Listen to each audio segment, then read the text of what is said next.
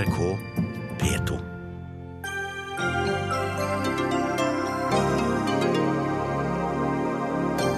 TransOcean-saken henlagt etter elleve år. Tidenes største skandale for Økokrim og norske skattemyndigheter, synes tidligere økonomiredaktør.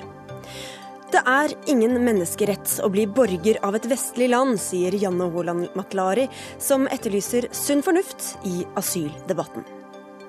La oljebransjen være i fred, skriver tankesmia Agenda, som ber miljøbevegelsen bruke kreftene på viktigere områder. Oljebransjen kommer ikke til å fase ut seg selv, svarer SV-politiker. Og Bergens Tidende driver korstog mot Human-Etisk Forbund, mener Jens Brun Pedersen. Hedningbevegelsen ter seg som kristenfundamentalister på speed, ifølge avisa.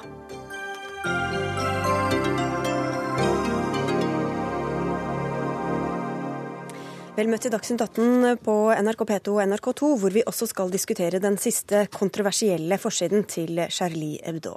Jeg heter Sigrid Solund. Er TransOcean-saken tidenes største skandale for norske skattemyndigheter? I går ettermiddag leverte Økokrim et brev til Borgarting lagmannsrett, der de erklærte at Økokrim trekker hele anken i denne saken. Dermed er en elleve år lang ressurskrevende og omfattende sak avsluttet, uten at noen er dømt.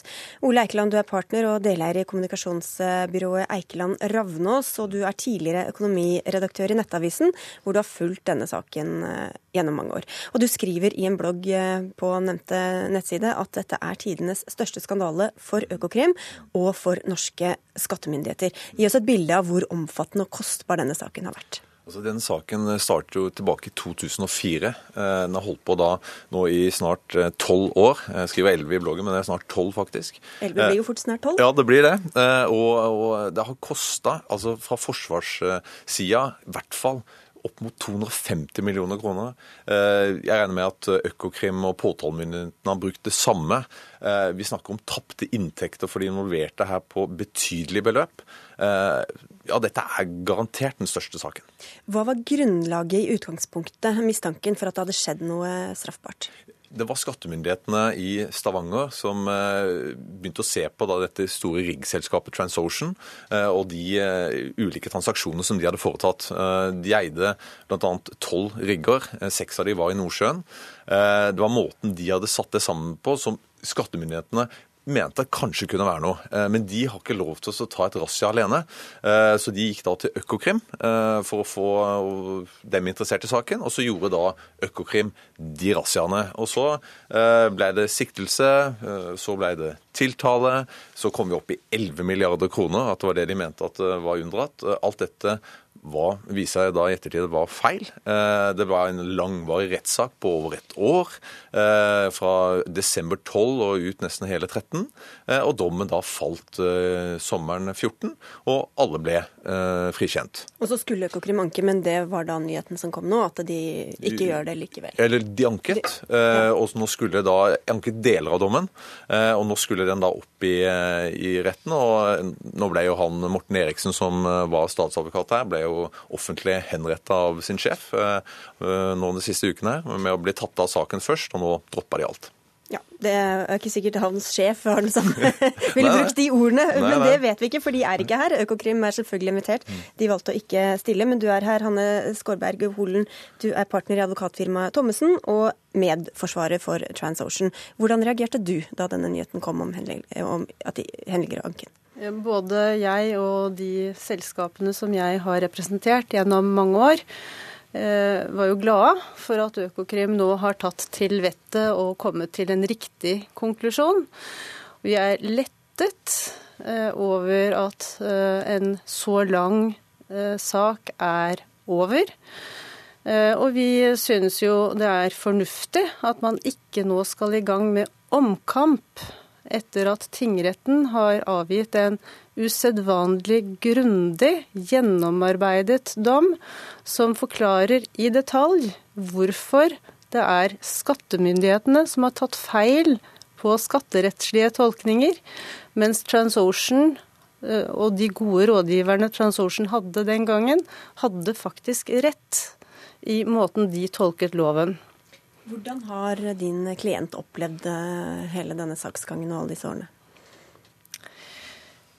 Det er vanskelig å forstå hvorfor eh, man valgte seg ut Transocean i utgangspunktet. For Transocean har aldri hatt 11 milliarder i inntekter som kunne vært unndratt fra beskatning i Norge.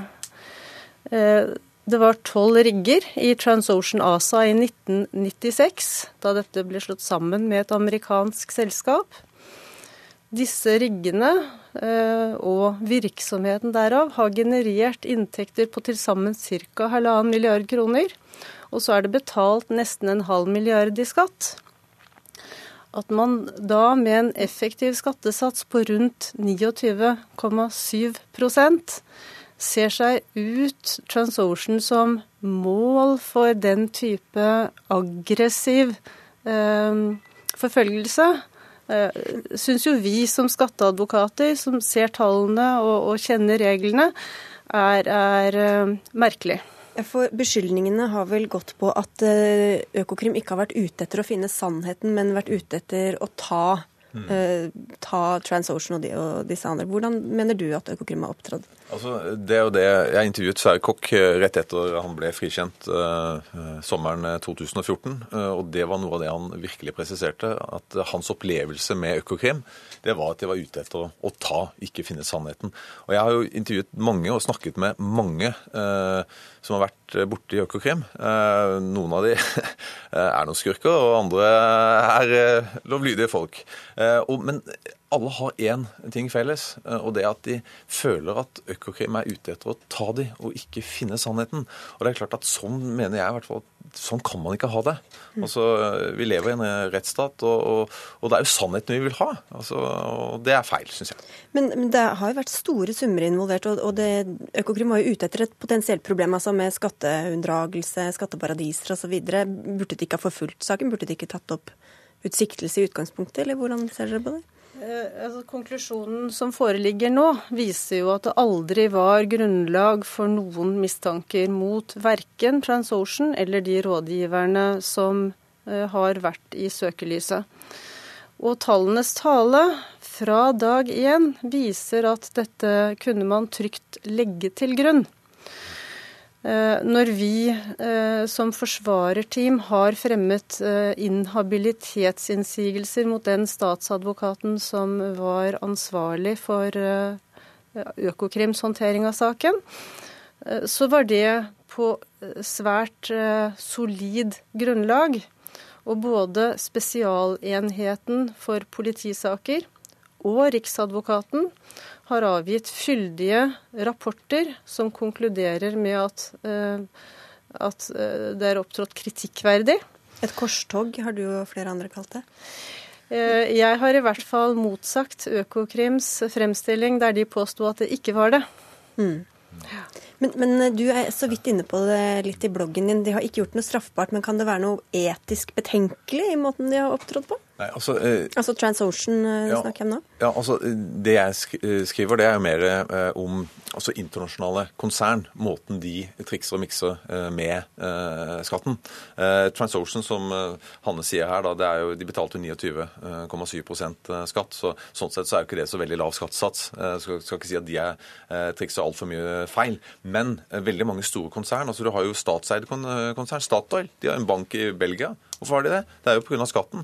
Eh, du har Statkraft, eh, og du har mange av disse store som eh, merker, altså, de leier ut merkevaren til selskaper, de lokale selskapene i Norge f.eks., og så, som betaler da store summer ned til Cayman Islands eller noe sånt. Det er et problem. Men de, du kan ikke ta de som Eh, overholder reglene og, og, lovene og prøver å gjøre det best mulig for sin klient. Da må du gå og ha internasjonalt samarbeid eh, og, og få felles lover og regler for dette. Det er sånn måten å løse det på. Og nå videre framover søksmål, eller hva, hva skjer videre nå? Eh, ja, vi, På vegne av TransOcean så er det jo ikke tatt noen beslutning om erstatningskrav eller lignende ennå. Vi fikk jo først nyheten om at Økokrim har frafalt anken i går. Vi har brukt ganske betydelig tid og krefter på å forberede oss på et nytt halvår i retten. Eh, så gårsdagen brukte vi vel heller på å feire og puste lettet ut enn å, enn å gå inn i eh, nye juridiske runder. Det kommer et søksmål, garantert. Sa kommentator eh, og partner eh, i kommunikasjonsbyrået Eikeland Ravnås, nemlig Ole Eikeland. Og takk til deg, og takk til Hanne Skårberg Holen fra TransOcean, altså forsvarer TransOcean. Dagsnytt 18 alle hverdager klokka 18. På NRK P2 og NRK2.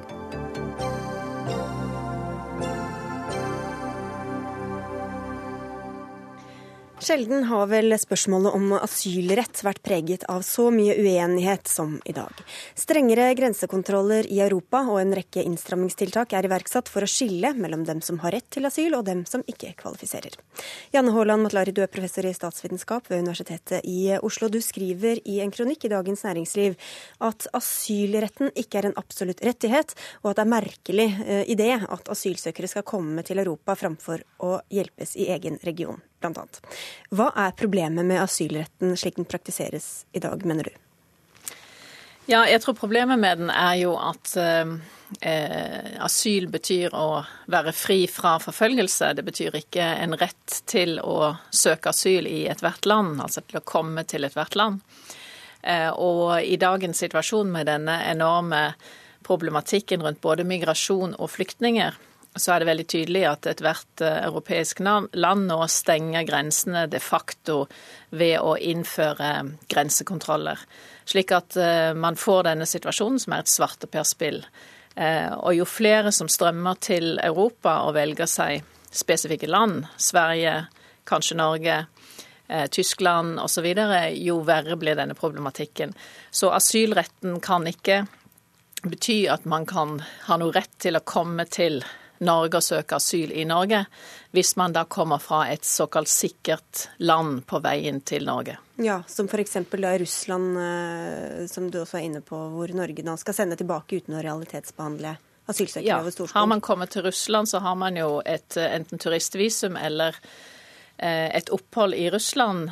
Og er man mot Assad som syrer, vil man sannsynligvis ikke søke seg til Russland eller få lov å komme inn i Russland. Så ingen kommer jo frem til norskegrensen via Murmansk uten at russiske myndigheter vet hvem det er og har gitt sin tillatelse til å komme inn på det russiske territoriet.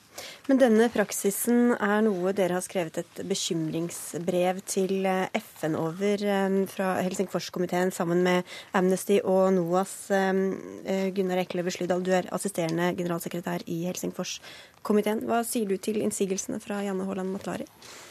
Um, nei, vi reagerer jo på en del av de påstandene som Matlari kom med i den kronikken.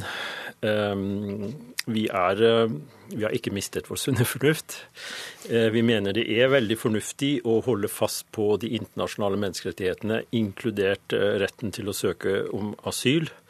Utgangspunktet for det brevet er egentlig todelt. Det ene er det asylforliket som var i Stortinget 19.11. i fjor, hvor partiene Eh, sa at de skulle overholde de internasjonale konvensjonene. Samtidig som de stramma inn eh, på en rekke områder når det gjelder eh, asyl. Og så mener vi, og har funnet ut, at regjeringa, den måten de praktiserer de endringene som kom derpå, i realiteten betyr at man underminerer retten til å søke asyl for personer som har behov for beskyttelse. Og Det er jo det avgjørende her, at vi ikke bidrar til at personer blir eh, må vende tilbake til forfølgelse. For det her er vel noe av kjernen også, fordi du Håland eh, du snakker om uh, beskyttelse altså, som, uh, og flyktninger er, de reelle flyktninger er de som flykter fra politisk forfølgelse. Ja, det er jo et videre begrep enn rent politikk, da. Det er jo religionsforfølgelse. Mm ja. Eh, en rekke eh, typer forfølgelse. Men ikke fra krig i... og elendighet? Eh, Nei, men sånn. nå har jo dette blitt et videre definert flyktningbegrep i vår tid. Men det er jo et spørsmål om hvordan man skal tolke det. Man snakker ofte om krigsflyktninger som en egen kategori. Og så har man migranter, som er alle de som søker et bedre sted å bo, et bedre sted, et bedre liv, som er helt rasjonelt for alle som kommer fra et mindre bra samfunn også ustabile samfunn, f.eks. Afghanistan eller mange afrikanske land. Eh, og disse er jo ikke flyktninger, eh, men har på en måte fra humanitære synspunkt absolutt forståelige behov.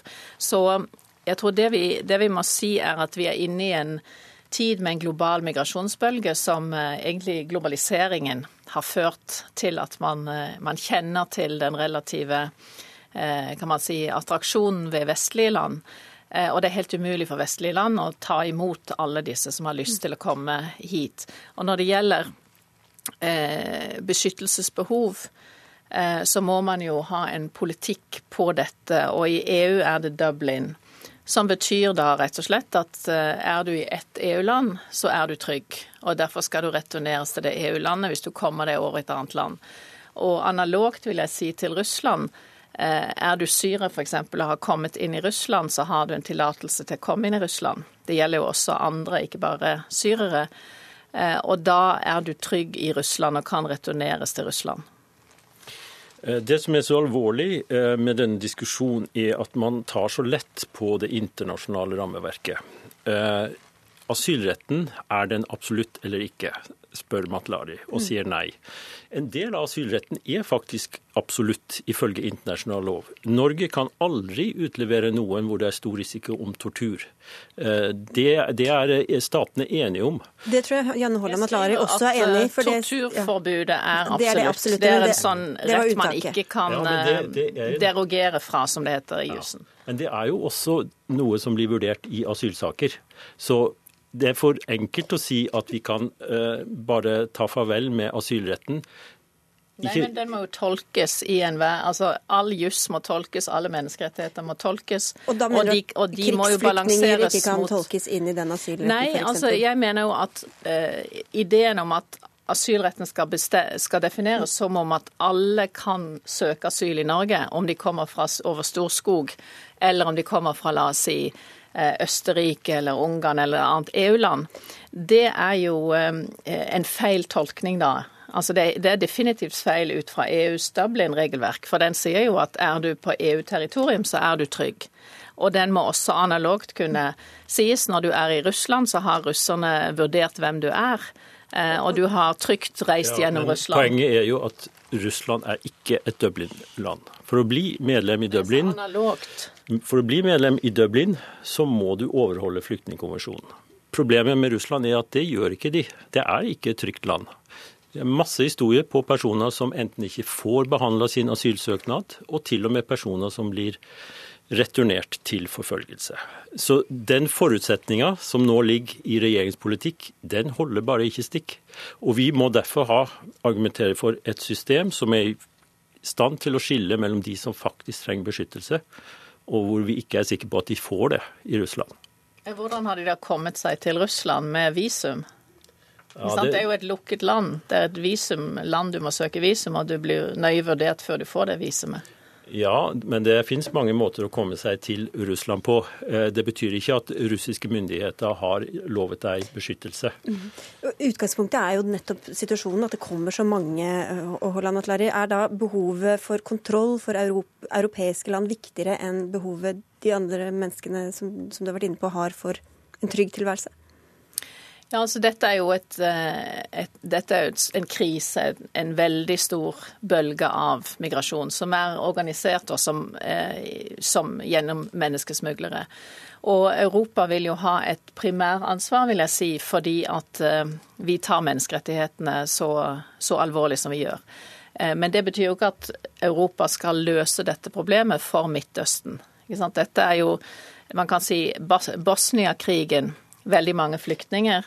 Eh, det, ble, det, var Europas primære ansvar. Det var ikke Midtøsten som kom og sa nå skal vi ta hovedansvaret her på Balkan.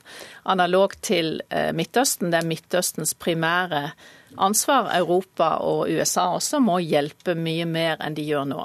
Jeg leste at uh, Tyrkia jo, gjør veldig mye bra, samtidig som det er enorme behov. Eh, og der er det helt klart at eh, vestlige land må bidra økonomisk. I nærområdene? Ja, i, for, dette, for, dette, jo, springer ut fra menneskerettighetene. Men det betyr ikke at folk skal komme, eh, kan regne med å bosettes i europeiske land. Jeg tror kvoteflyktninger er da den eneste måten bør, man kan løse dette på. Og da bør asylinstituttet tolkes mye strengere enn det det gjøres i dag? ja, men vi kan jo ikke lage et system hvor du stiller nasjonalitetskrav til hvem som kan søke asyl. Eh, vi er jo enig med Matlari at du må ha et kvotesystem som fungerer mye bedre enn i dag. Eh, du må gi mer hjelp i nærområdene. Men du må ha asylretten som en sikkerhetsventil for uh, å men, jo, men slippe unna forfølgelse. Deg, men hvor ja. rettferdig er det systemet når de mest friske og ressurssterke, som trosser farer og reiser uh, til Europa, plutselig utløser så mange rettigheter for dem, som kanskje i utgangspunktet har det bedre enn andre som blir igjen i hjemlandet? Det er opplagte utfordringer med det systemet vi har i dag. Men skal vi lage et helt nytt system, eller skal vi forbedre det systemet vi har i dag? Vi mener at det er veien å gå. Ikke gi eh, på båten de tingene som er helt grunnleggende i den internasjonale beskyttelsen av flyktninger. Det, det, gjør jo ikke regjeringen. Altså, det, dere er uenig konkret i om eh, det er beskyttelse nok i Russland. Eh, men dere vil jo også at asylretten skal bety at man kan søke asyl i Norge for alle som kommer fra Russland. Det som returneres, er jo de som har en opphold i Russland. Ikke for alle som kommer fra Russland, men vi må ha et system som skiller de med et reelt beskyttelsesbehov og med et uløst vern i Russland. Vi er nødt til å avslutte der, dessverre, men takk skal dere ha begge to, Janne Haaland Atlari og Gunnar Ekeløver Slydal.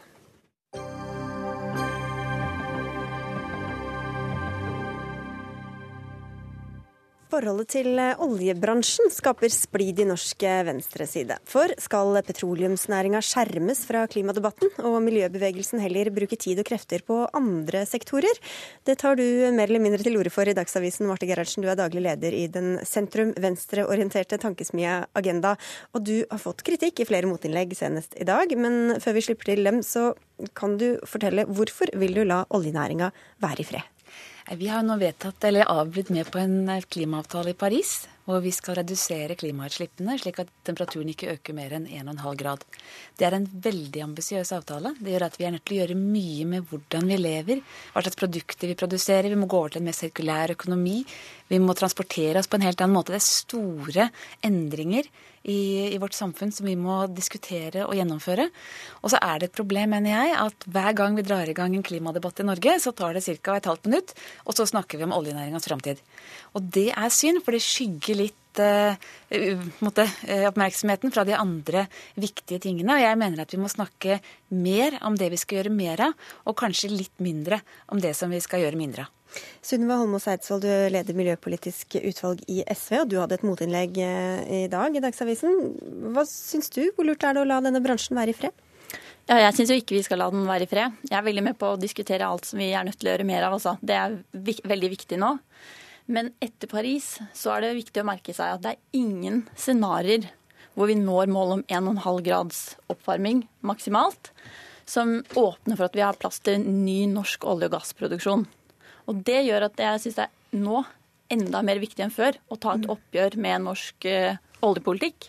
Og når vi også skal ha en næringspolitikk som gjør at vi kan leve av noe annet etter oljen, så er vi nødt til å gjøre noe med det at oljenæringa i dag har en klam hånd over næringspolitikken. Jeg tror vi må slippe til siste person her, så kan alle få liksom, eh, tilgang til ordet her. Elin Lerum Boasson, du er seniorforsker ved CICERO, og du er førsteamanuensis eh, i statsvitenskap ved Universitetet i Oslo. Eh, for du sier jo også at de som, her som har kjempet for å løse klimaproblemet, bør tenke gjennom hvor viktig og nyttig det er å snakke om oljeindustrien. Ja, jeg tenker at Det er et veldig bra tidspunkt å dra opp den store klimadebatten fra Marte Gerhardsen. For Paris-utfallet er et helt nytt, en ny situasjon for norsk klimapolitikk. Men det er mest av alt en ny situasjon fordi den norske hovedstrategien for å løse klimaproblemet er, er noe går ikke an å realisere. Det kommer ikke til å bli et globalt system som gir en pris på CO2, som har vært den store norske planen. Så Derfor må vi tenke nye tanker.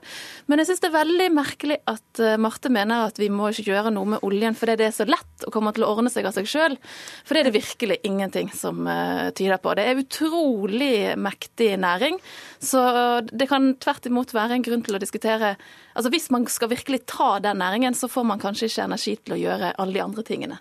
Så der er du enig, men å la dem være i fred og tenke at dette løser seg selv, hvis man da mener at det er en løsning at den ikke skal eksistere lenger, der får du motstand, Marte Gerhardsen. Men er, altså, Vi skal ikke la oljenæringen være helt i fred. Det er jeg opptatt av at Vi må ikke la hele debatten om klima handle om det. Og det vi vet med norsk, med norsk olje og gass, er jo at har, produksjonen har gått ned hvert eneste år de siste 15 årene. Og vi vet at det er en næring som skal over tid bli mye mindre viktig. Eh, produksjonen har gått ned siden, siden 2000. Så, så, og også, også har det vært et Men vi vet jo også at det er et flertall på Stortinget for å la oljebransjen fortsette som før? Men det vi ser nå, som har vært en kjempeutfordring, som Sunniva også var inne på, det er at oljebransjen har vært en ekstremt lønnsom næring for Norge. Og det har gjort at veldig mange av de flinkeste flinkeste folka, og de store investeringene har gått i den bransjen. Sånn er det ikke nå. Nå har vi tusenvis av arbeidsledige ingeniører. Eh, investeringene går ned. Og det som er viktig nå, som vi burde snakke mye mer om, er jo hvordan skal vi klare å få alle de flinke ingeniørene som sitter med så mye kompetanse og kunnskap fra oljenæringa, over i de nye næringene som vi skal leve av i framtida. Så vi må snakke mer om hvordan vi skal utvikle de nye løsningene. Det er det som må være fokus. Hvilke resultater kan dere egentlig vise til i denne kampen mot uh, oljeutvinning og gassutvinning? Nei, Det er jo derfor det er så viktig å diskutere det nå. fordi nå har oljeprisen falt veldig mye. Men oljenæringen det er en langsiktig næring. Og jeg opplever at eh, nå er det mange som tror at oljeindustrien kommer til å fase seg selv ut fordi at det er så mange som mister jobben nå. Det er ikke riktig. Oljeindustrien er en veldig langsiktig næring.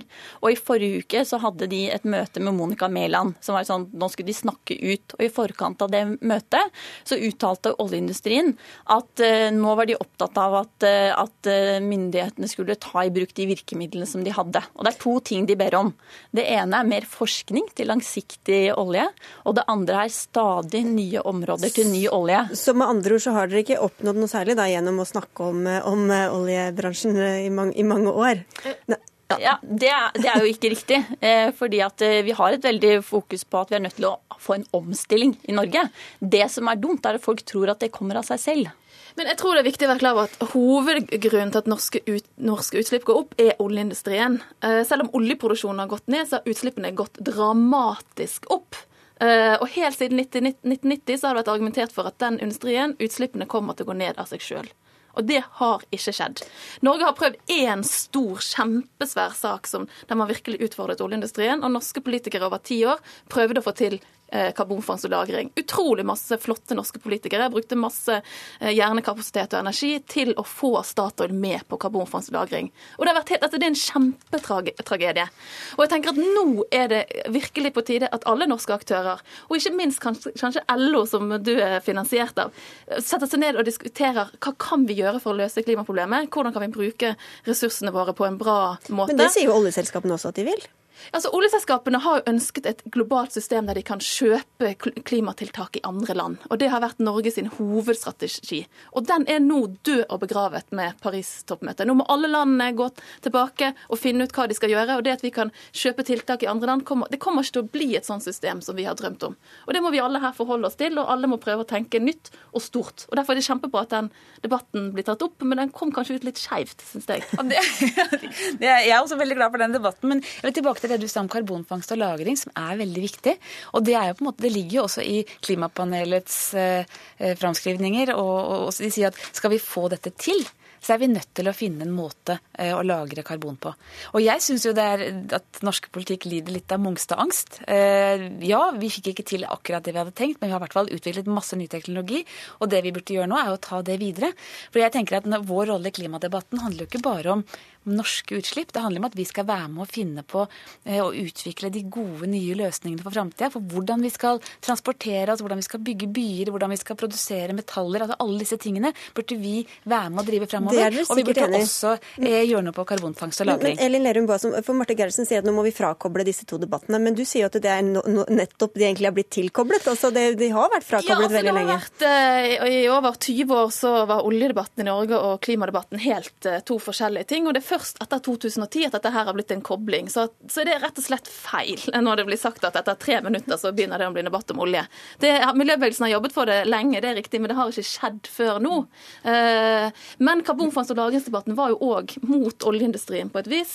Og der er det jo, jeg er helt enig at politikerne på en måte ikke tør å ta i det, men denne regjeringen sier jo at vi skal ha en stor dugnad, men det er veldig uklart hva Norge skal bidra med i den store dugnaden. Skal det være karbonfangst og -lagring, f.eks.? Men selv om det bare har vært de siste årene, så er det jo fortsatt sånn ofte, som dere er inne på, at eh, i dette studiet i hvert fall, så ender det jo ofte opp med å handle om olje, hvis vi skal snakke om, om klima, uh, Holmås uh, Eidsvoll. Det, ja, det er jo ja. riktig, men det er jo fordi oljeindustrien står for de aller største utslippene i Norge. En tredel, vel? Ja, ja altså, det er den næringen som står for de De to tredelene som, som, det ikke blir tid og oppmerksomhet fra dere til å, til å, snakke om, da? Det snakker vi veldig mye om. Jeg sitter i bystyret i Oslo. Der skal vi gjøre kjempestrenge grep på transport. Der skal vi også jobbe for karbonfangst og -lagring på Klemetsrud. Vi skal sørge for at det er reduksjon i biltrafikken vi skal få ned lokale utslipp. Det er mye som gjøres. Men det interessante er nå at etter Paris så er vi tilbake til kjernen i klimapolitikken, nemlig rettferdighetsspørsmålet og det at det er et kjempekoordineringsproblem. For hvis vi ikke kutter våre utslipp, eller hvis alle land sitter og tenker hvordan skal vi eh, være sikre på at eh, vi, hvis vi kutter utslippene våre, hvordan skal vi være sikre på at de andre gjør det? Eh, og Derfor er det ingen som vil påta seg store utslipp, for det koster mye penger og man taper i konkurransen. Og så ender det med at det blir ikke koordinert, og ingen gjør det som skal til for å få ned utslippene. Der mener SV og jeg da, at Norge er nødt til å gå foran og vise nå at vi er villige til å kutte i våre utslipp. Eh, og da kan vi kanskje få med oss andre land, andre rike land, på å få til det. Og da er vi nødt til å gjøre noe med oljeindustrien vår og utslippene. Det som vi i Tankesmien Agenda har foreslått, er at vi må innføre klimalov i Norge. At vi går gjennom hver... Det kommer jo en klimalov. Ikke sant? Og det er veldig bra. Og det vi, det vi, må gjøre, er å gå på hver eneste sektor. På transport, på byutvikling, på, på industri. Og sette et tydelig mål. Og så må vi bruke næringspolitikken til å bidra til at norske selskaper også kan være med å bidra og utvikle disse, eh, disse nye løsningene. Så vi er nødt til å koble næringspolitikk og klimapolitikk på en helt annen måte enn vi gjør i dag. Nå kom det en stygg grimase fra Lerum Boasson. Ja, det er altså et klimalov. Det kan jo bli bety hva som helst. Og ting tyder på i hvert fall at de landene som begynte med det, nemlig Storbritannia, så har likevel regjeringen klart å fjerne det meste av klimapolitikk nå i løpet av bare noen måneder. Så jeg vil heller altså, oppfordre til å være konkret, samtidig som man tenker stort om hva vi skal bidra med ute. Og det er klart at det å gjøre noe med oljeindustrien kan være et bidrag, men jeg vil i hvert fall oppfordre både politikere og miljøbevegelse til å lære av historien. Da vi har mange tider med klimapolitikk nå, og være klar over hvor mye, hvor mye energi det tar. og vi, Det trengs mye hjernekapasitet til å løse mange forskjellige små og store ting i klimaproblemet. Ok, veldig kort til slutt, Martin. For eksempel så bør vi bestemme oss for at all transport i Norge skal være utslippsfri. Og så må vi sørge for å få til Vi må gjøre sånne ting, og ikke alltid bare snakke om hva som skal skje med norsk oljeindustri. Men vi gjør det også. Det også, og alle debatter har vi plass til her i Dagsnytt 18. Takk skal dere ha, Marte Gerhardsen, Sunniva Holmås Eidsvoll og Elin Lerum Boasson.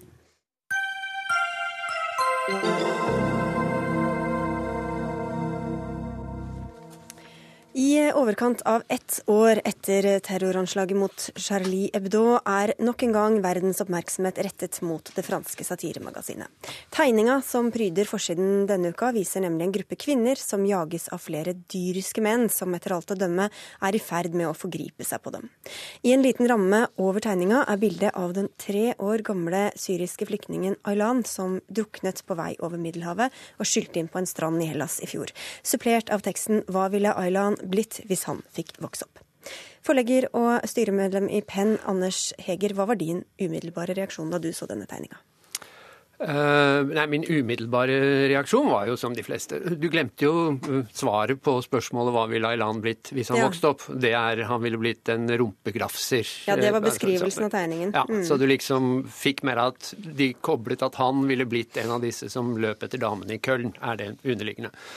Nei, min umiddelbare reaksjon var selvfølgelig jøss, dette var da jaggu sjokkerende. Og, og, du kan ikke trekke en sånn linje, og du kan heller ikke tegne asylsøkere som apekatter eller griser, eller hva de er tegnet som. Uh, og det er suspekt at denne damen ser ut som om hun på en måte liker å bli grafset på. En typisk Charlie Hebdo-sjokkeffekt. Eh, så tenker man litt mer, og så ser man at det er ikke akkurat det man tror. Kanskje det er kanskje omvendt, at dette er egentlig en sviende kritikk av europeisk eh, innvandringsdebatt fra et venstresidesynspunkt. Altså egentlig en kritikk av så... europeisk høyre. Men dette er en veldig intellektuell og veldig subtil måte å lese tegningen på. Det er liksom mye tenkning og sånt nå, og den kommer ikke til å bli lest sånn av 90% av de som leser den. Altså Hvis ikke du setter deg ned og grubler og tenker, så er det ikke sånn det framstår? Ja, og til det underliggende spørsmålet ditt, jeg synes nok tegningen er i overkant grotesk, og jeg liker den ikke. Vi kan komme tilbake til det groteske, men til dette med budskapet og forståelsen av den eh, satiren. eh, Nora Warholm Esali, du er skribent, og du sier du ble glad da du så karikaturen. Hvorfor det? Um, ja, altså i denne her debatten eh, om det som har skjedd i Køln og, og også andre steder, så eh, har det vært um, en debatt eh, på noen litt rare premisser. Og når jeg så det her bildet, så tenkte jeg ja, nå er det noen som har eh, endelig har klart eh, å kritisere den, denne retorikken og den debatten på en veldig treffende, veldig sviende måte. Og nå når vi sitter her i et norsk radioprogram og diskuterer nettopp det, så mener jeg at det er et bevis på at akkurat denne tegninga har lykkes med formålet sitt. Men som Heger er inne på, så var det sikkert mange som ikke skjønte budskapet, eller at det egentlig var en venstreside-satire og poeng. Hvor god satire er det da egentlig? Um, uh, hvor god den er, det, det kommer jo an på, på lesninga, da. Men, uh, men den, den, traff meg, og det virker som den har truffet veldig mange. Um, så jeg håper at det vil føre til at vi nå kan diskutere innholdet. Um, nå som den uh, har blitt publisert, og vi må forholde oss til det, da. Ja, altså Selvfølgelig er det en fordel at det er fordel med all debatt, og det er ikke noe snakk om at dette burde være forbudt eller ikke satt på trykk eller sånt noe, men jeg mener det er all mulig grunn til å kritisere den allikevel. For det første fordi den kommer til å bli brukt på en helt annen måte. Jeg skal vedde på at det er tidsspørsmål før denne figurerer på semifascistiske høyresider ute på internett, lest for pålydende. Det vesentligste grunnen til at jeg er kritisk, er likevel en annen, altså. Det er at dette er et levende menneske, eller altså et dødt menneske. Det er et menneske som har levd, som dessverre altfor tidlig ble, ble, revet bort på den tristeste og mest tragiske måte. Det finnes uh, familie her, det finnes etterlatte, det finnes folk som har hatt ham på fanget. De skal faktisk slippe, uansett hvor subtilt dette er ment, og hvor intellektuelt politisk det er ment, de skal slippe å se at han blir fremstilt som en fremtidig voldtektsmann. Det, der går det en grense for meg. Var det nødvendig å inkludere en, en død treåring? Ja, det var nødvendig fordi ikke pga. Erland som person, men pga. det som han er symbol for, nemlig eh, de umenneskelige forholdene som eh, båtflyktningene opplever, eh, og, og, og sviket av, av, å ikke hjelpe. og det her og når det kommer til det her med intellektuell, så er det viktig å se på hvem det er som er målgruppa til Charlie Hebdo, når man diskuterer på en måte formen. Så der mener jeg at det er på en måte i tråd med, det, med den profilen som de har. Men, men, jeg tror det var viktig å bruke nettopp Aylan pga. dette symbolet, som er men, symbolet på menneskeliggjøringa av flyktningene i en tid der flyktningene har blitt umenneskeliggjort av diverse høyrepartier rundt om i Vesten og også delvis av, også av media.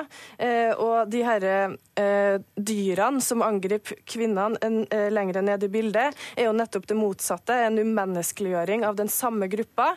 en holdning som har oppstått veldig kort tid etter at vi sa 'refugees welcome'. Mm. For selv om han var et, et, levende menneske med folk som var glad i han, så er han jo også eller Dette bildet er jo blitt et ekstremt sterkt symbol.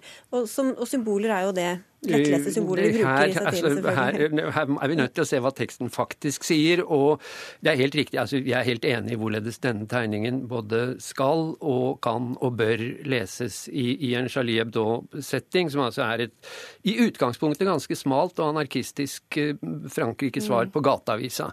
Men det er nå engang et faktum når vi spør oss hvorledes virker den tegningen. Jo, den virker på en helt bestemt måte. Hvorledes blir den lest nå? Jo, den blir lest av 90% av de som leser den på en helt annen måte. Og det betyr jo ikke at de ikke skulle gjøre det, for å gjenta det, men det betyr at vi som står på utsiden må si at det der var kanskje ikke særlig klokt gjort.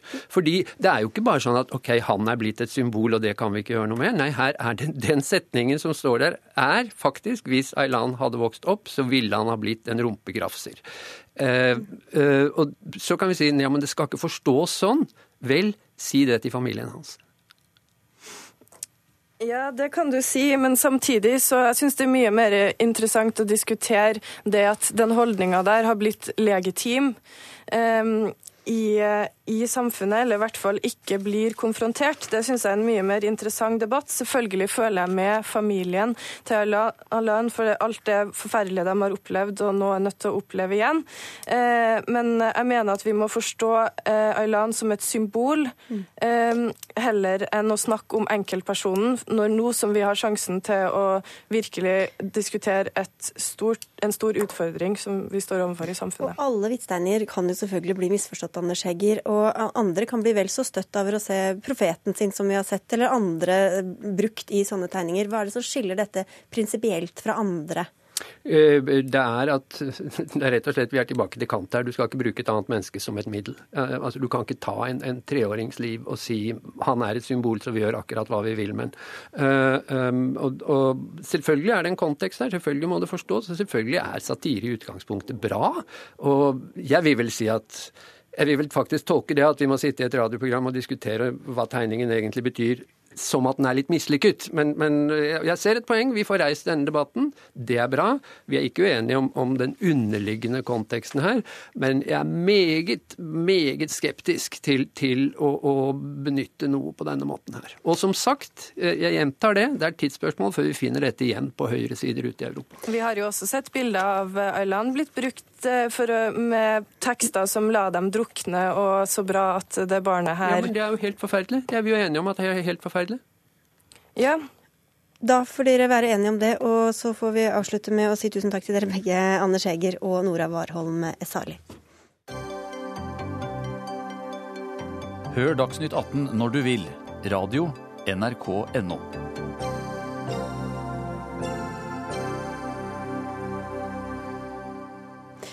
til en annen av dagens virkelig store saker om korrupsjon og utstrakt dopingvirksomhet i den internasjonale friidretten. For i dag la et uavhengig utvalg nedsatt av verdens antidopingbyrå WADA fram andre del av rapporten sin i München i Tyskland. Første del ble lagt fram i fjor og førte til at russiske utøvere ble utestengt fra alle internasjonale konkurranser på ubestemt tid. NRK-reporter Hanne Marie Brevik, du er i München. Hva kom fram i del to av rapporten? Eh, ja, del to var litt eh, annerledes, litt mer eh, dempa. Nå er det jo sånn at en stor del av de mest graverende forholdene i Det internasjonale friidrettsforbundet faktisk er blitt en straffetak. Det er de, de toppene, den tidligere presidenten i, i hans sønn, hans personlige rådgiver, og en antidopingdirektør er jo arrestert og satt under tiltale av fransk politi. og Det er jo der de virkelig graverende forholdene ligger nå. fordi den er anklaga for eh, svindel og korrupsjon, og til og med har forsøkt å bestikke eh, eh, fremstående tjenestemenn, og ikke minst presse penger ut av utøvere mot at de skulle holde dopingprøver og og, og, annet materiale skjult for omverdenen. I tillegg så er de jo også eh, tiltalt for å ha eh, lagt ting i skuffa som ikke skulle vises for offentligheten. slik at det, de, og det er jo veldig alvorlige anklager om økonomisk kriminalitet som nå er tatt til politiet. Så den uh, uavhengige gruppa til WADA var ikke veldig snakkesalig om akkurat det, det, punktet i den felles uh, presseseansen uh, her i dag. Men det som veldig mange journalister venta seg en avgjørelse på, det var jo framtida til Sebastian Coe. Mm. Fordi han er en kontroversiell person. Mm. Du, eh, takk skal du ha, Hanne Marie Brevik. Ingrid Kristiansen, du er jo tidligere friidrettsutøver, kjent for mange. Hvor overraska er du over det som kom fram i dag, også om at, eh, at, veldig mange tydeligvis må ha visst veldig mye? Jo, jeg vil jo si at jeg reagerte på det forrige gang vi fikk opp den saken her, at det er veldig rart at visepresidentene i et sånt forbund har, sier at de ikke har visst noe om saken. Det, det, det tror jeg ikke på. Det er klart at her er det mange som er med, og hvem som har tatt imot penger for hva, det er vanskelig å si. Men jeg syns jo det er trist at eh, de internasjonale friidrettstoppene eh, driver sånn, og da er det sånn at vi som er tilskuere, vi, vi, mister jo helt troa på idretten. Mm. Vi kan komme tilbake til det, men vi skal også til deg, Vebjørn Rodal. Du er NRKs ekspertkommentator i friidrett. Hva mener du er det viktigste og mest graverende som ble lagt fram i dag? Nei, at, eh, at organisasjonen på høyeste nivå har vært eh, korruptiv i en sånn grad at det, det er kriminelt, eh, er jo graverende. Det, som er bra, er jo at det kommer en dag. Vi er i hvert fall er dessverre ikke overraska. Det er nok ting som vi har hørt om og eh, ikke vært klar over, kanskje, men i hvert fall visst om til en viss grad ganske lenge. Og at, at det nå blir tatt tak i og, havne fram i dagen, det er, i hvert fall glad. det er i hvert fall jeg glad for. Men det er jo mange som har motarbeida dette, da, Ingrid Kristiansen. Hvordan kunne det komme så langt som det tydeligvis har gjort, ifølge disse rapportene? Ja, det er jo det som er så forferdelig. Altså, det er mye penger på spill her, og, og da er det utrolig hva enkelte kan finne på å gjøre. Eh, jeg syns jo at det er veldig synd at vi skal ha en idrett Den er veldig målbar, friidretten, dessverre. Sånn at eh, det er blitt sånn at vi må sette rekorder hele tida for at det skal være interessant for publikum å se på. Tror i hvert fall de som driver med er lederløse, sånn. da. Og det er jo det som er så skummelt, at uh, man skal hele tiden eh, sette rekorder. Da er det vel mange som tyr til litt juks. Og hvis det da blir satt i system, dette her, uh, mye penger på spill, og mange som er villige til å, å ta imot penger under bord og sånt, så det er litt skummelt for idretten generelt. Ja, Tore Hordnes, du er president i Norges friidrettsforbund. Hvordan reagerer du på det som er kommet fram i dag? Nei, Det er jo en eh, svært trist dag for oss eh, som er glad i friidrett. og Jeg må jo si at et sånt svik fra den øverste lederen i eh, det internasjonale forbundet føles forferdelig tungt å ta. Selv om mesteparten av det som kom frem i dag er vel sånn som har kommet frem tidligere, så, så er det Det kjennes tungt. Feber Rodal, du vant jo også du vant OL-gull på 800 meter i 1996. Det begynner å bli noen år siden. Men øh, hvorfor tror du at friidretten har utvikla seg sånn som den har gjort? Nei, Det er jo det spektakulære og målbare som, som gjør det veldig kommersielt. Øh, og Da blir det fristende for mange som har øh, et annet verdigrunnlag enn det vi er vant med å, å benytte av snarveier. og når de i tillegg eh, delvis får støtte for det, og, det er en kultur som, som tillater at det kan eh, feies under teppet, så, så får det åpenbart gå altfor langt. Eh, det er trist. Men eh, til tross for at det her er svært omfattende, så består internasjonal friidrett heldigvis stort sett av rene, hardtarbeidende friidrettsutøvere. Det aller viktigste framover er at de blir beskytta mot å konkurrere sammen med dopa utøvere. De skal få lov til å møte likesinnede, ærlige utøvere. Og Sebastian Coe som eh, leder, eh, leder i dag, hvordan, hvordan, vurderer du hans framtid nå for å rydde opp eh, i dette? Nei, Det var liksom det, det andre store samtaletemaet i dag om, om lord Sebastian Coe er riktig mann til å ta internasjonal friidrett videre og ta gjenopprette tilliten. Eh, vi har en, en nordmann òg i en veldig sentral posisjon. Tore Horne sin forgjenger, kjære Svein Arne Hansen, i Det europeiske friidrettsforbundet. Eh, det må gjøres et grundig stykke arbeid for å gjenrette tilliten. Det er fullt mulig. Om Sebastian Coe er rett mann, eh, skal ikke jeg si her og nå, men i hvert fall så må det tas tak, og det må vises til veldig konkrete tiltak for å få skuta på rett kjøl. Du mener vel nei, Ingrid Kristiansen?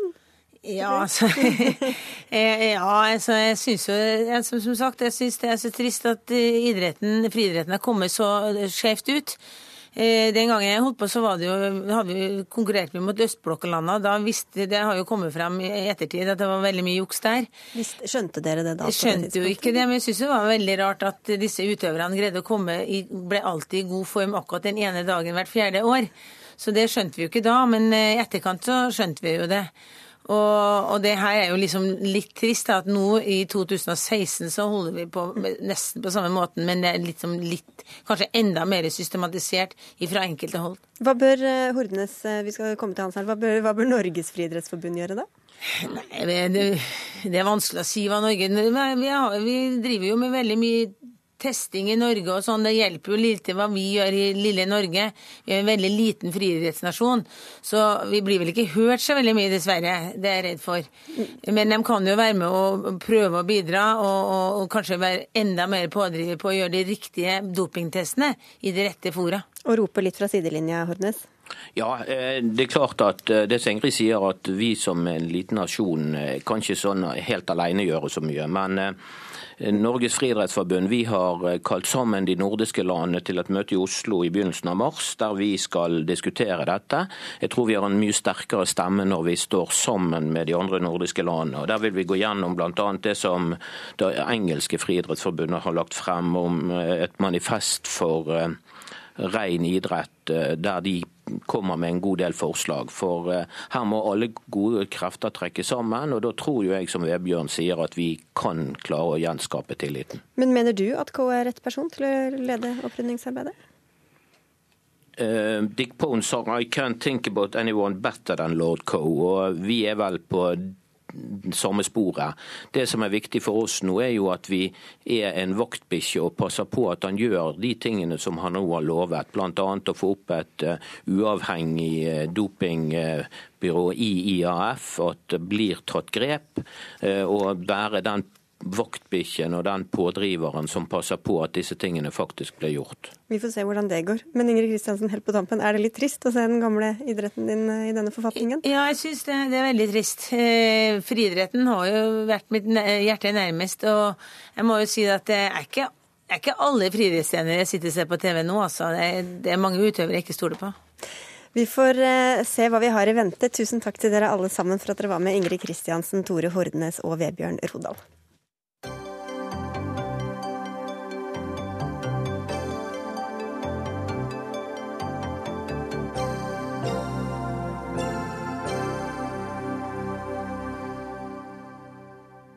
Jula er over og nyttår passert, men førjulsdebatten om julesanger og skolegudstjenestene lever fortsatt i beste velgående. Denne uka blusset den opp igjen for fullt i Bergens Tidende, da Human-Etisk Forbund beskyldte avisa for å drive et korstog mot forbundet. Jens Brun Pedersen, du er informasjonssjef i Human-Etisk Forbund. Hva går dette korstoget ut på? Ja, det lurer jeg også på. Jeg tror noen jeg burde fortelle redaksjonen i Bergens Tidende om at det går an å drikke gløgg uten sprit. Man skulle nesten tro at de har vært på en snurr både før og etter jul når de skriver det de gjør om oss. Altså Dette er blitt en adventstradisjon, solid sådan at eh, en del går ut imot oss. For noen år siden så var vi visstnok imot nisser. Det ble fortalt på NRK bl.a. Og det viste seg at det var en kristen sekt som ikke hadde lyst til at barna skulle omgås nisser i skolesammenheng. I år da er det at vi er imot julesanger, iallfall kristne julesanger.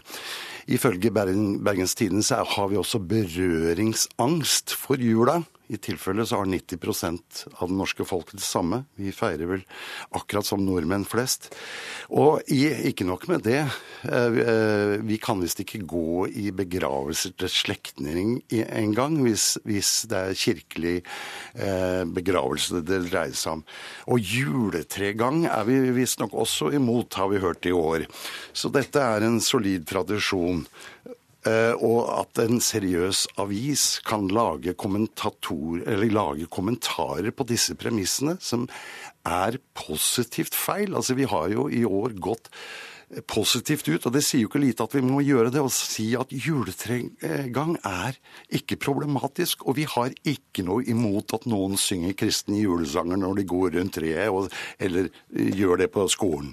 Og alle disse elementene kaller du altså tvilsomme ingredienser som blir kokt sammen i en illeluktende gryte, hvor du ja, er kokk. Jeg må, få, få, inn kokka her, da. Ja, da, men hun blander, blander, inn For å få dette til å gå opp i en ligning, så blander jeg inn altså eh, hedningesamfunnet, norsk folk Folkehjelp, et forlag, selvstendig forlag som heter Humanist Forlag osv.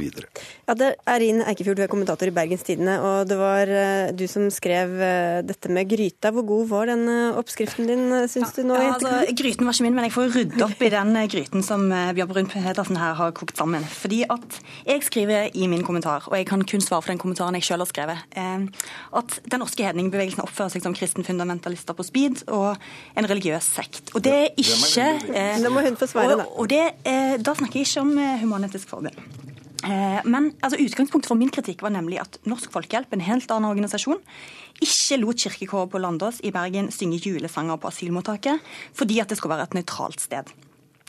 Og her, eh, Det er et eksempel på at motstanden mot det kristne hegemoniet, som jeg i utgangspunktet støtter, har blitt veldig sneversynt og fundamentalistisk. Og Et annet eksempel jeg da trekker frem, det er at de kristne julesangene er blitt skrevet om i regi av Humanist Forlag. For så er det kimer nå til julefest blitt det 'Jeg vet et tre'. 'Deilig er den himmelblå' er blitt hullet i et skumringslør'. Og det her jeg syns det blir veldig klamt og veldig parodisk og veldig humørløst. Men hva er, hva er Human-Etisk Forbunds bidrag til denne gryta som du ikke koker, men en kollega av deg? ja, altså, grunnen til at jeg trekker de inn, er at er, Human-Etisk Forbund er en stor eh, statsstøtteorganisasjon som har gjort seg selv til talerør for eh, norske hedninger. Og Det er et samfunns, samfunnsoppdrag som jeg syns er viktig, men òg at man da forvalter den rollen klokt. Eh, og Da syns jeg det er viktig at Humanistisk Forbund går foran med gode eksempler. De har eh, makt til å sette dagsorden, og da må man skille mellom smått og stort. altså sant, Vise at de viktige kampene for et sekulært samfunn er ikke tatt. Men da må man ikke henge seg opp i småsaker, da må man se de store livssynsdebattene. Det er ganske uredelig av deg å først påstå at vi er imot kristne julesanger og juletregang, og så kommer du etterpå og sier at vi må konsentrere oss om de store sakene. Hvis, jeg er fullstendig enig med. Eikefjord, jeg er fullstendig enig med deg at hvis dette var noe vi var opptatt av, så burde vi skjerpe oss. Men ble vi dere beskyldt for å være imot julesanger og, og gang rundt juletreet av ja, Eirin Eikefjord? Ja, vi er, hele, hele, hennes kommentar er jo Premisset er jo at vi er imot kristne julesanger. Nei, jeg syns du skulle være så voksen at du eh, nå Du har fått i dag et, et, seriøst, meget klokt svar fra Norsk Folkehjelp. Du bommer også overfor dem. De er heller ikke u, eh, imot kristne julesanger. Jeg syns du skulle være voksen nok til å beklage at dette er premissene, eh, falske premisser for din kommentar. Så kan programlederen her i uh, Dagsnytt 18 ta en tid tidlig kveld. Så Brun Pettersen, Da tror jeg du må gå hjem og lese min kommentar en gang til. Jeg har lest den eh, flere ganger. For det jeg skriver, er at eh, Norsk folk, Folkehjelp nekter julesang. Eh, Humanist Forlag har gitt ut nye julesanger. Og Humanistisk Forbund har et ansvar eh, i kraft av sitt samfunnsoppdrag til å trekke livssynsdebattene høyere, se de store linjene. Og Hva er konsekvensene da av disse elementene, enten Human-Etisk Forbund eller andre står bak? Konsekvensene er at eh, hedningbevegelsen altså som en sånn større størrelse, den offentlige debatten om livssyn, den fremstår veldig sneversynt, intolerant. Og egentlig så gjør man det man alltid har kritisert Kirken for. altså Man, man blir nesten det man kritiserer. Fremstår militant, fremstår eh, eh, bakstreversk, grinete og ganske fundamentalistisk, egentlig. Og litt som en sekt. Og det jeg ønsker, er jo at eh, man skiller skit og kanel, egentlig. Skiller stort fra smått, og, og ser hva, hva som er viktig. Istedenfor å slenge slik skit som du gjør mot Human-Etisk Forbund, så syns jeg du skulle sette deg inn i hva vi driver med, og hva vi holder på med. det. Holder på med. Jeg syns du skulle skaffe deg en venn jeg, som var eh, medlem i Human-Etisk Forbund, så vil du kanskje få et edruelig bilde av hva vi holder på med. Du bruk, bruker begrepet hedningebevegelsen når du vet at det finnes en organisasjon som heter Norsk Hedningssamfunn. Det allerede der er uredelig, og du, du er upresis, og du burde som journalist være litt mer nøye med hva du skriver at vi eh, eh, gir ut, eller et forlag som gir ut bøker, nei, eh, sanger mm. hvor det har vært eh, omskrevet noen tekster. Det har da kristne gjort opp gjennom hele historien. Den vakre melodien 'Deilig er jorden' er jo ikke en original tekst. Det var en dansk biskop som skrev teksten til den. Og sånn har da kristne gjort, og det må da andre mennesker som ikke eh, har lyst til å uh, synge religiøse salmer hjemme, må få lov til å bruke det. Det er ingen som tvinger det dette på andre. Stakkars Eirin Eikefjord sitter i Bergen. Det er litt, ikke synd å sitte i Bergen, men uh, vanskelig å komme til, kanskje. Du får få siste ord her. Ja, altså, for det første vil jeg si det at jeg syns at mitt utgangspunkt her er relevant. Altså, jeg er faktisk ateist, jeg er utmålt av statskirken, og jeg er forkjemper for et sekulært samfunn. Der er ikke vi så ulike. Men jeg syns at Human-Etisk Forbund skulle gått litt lenger i å forsøke å representere sånne som meg, for jeg tror vi er mange. Men problemet er jo at når man føler at statskirken er en mer eh, tolerant organisasjon å, å, være med i, så er det et problem. Og det som, altså Jeg er sikker på at det sikkert foregår barne banebrytende debatter internt i HEF. Men det som kommer fram i offentligheten, er jo ofte en kombinasjon av nokså forutsigbar kirkekritikk, plagering av kristne riter, og at man dogmatisk har liksom fokus på symbolsaker. Og det syns jeg er synd. Mm. Helt, helt, helt kort. Ja, bare la meg avslutte med å si at det er riktig og viktig at human-etisk får eh, kritikk. Det bør mange drive med. Men da må det for pokker meg være på basis av hva vi står for. Det er Ja, ikke men, tilfellet i Man kan ikke møte Vi må kritikken med å, å kalle det for korstog og stå i en ledtog med nettroll. Altså, man må kunne ta den kritikken. Tusen takk skal dere begge ha. Dag Dørum, Lisbeth Sellereite og jeg, Sigrid Solund, takker for oss og ønsker en god kveld videre.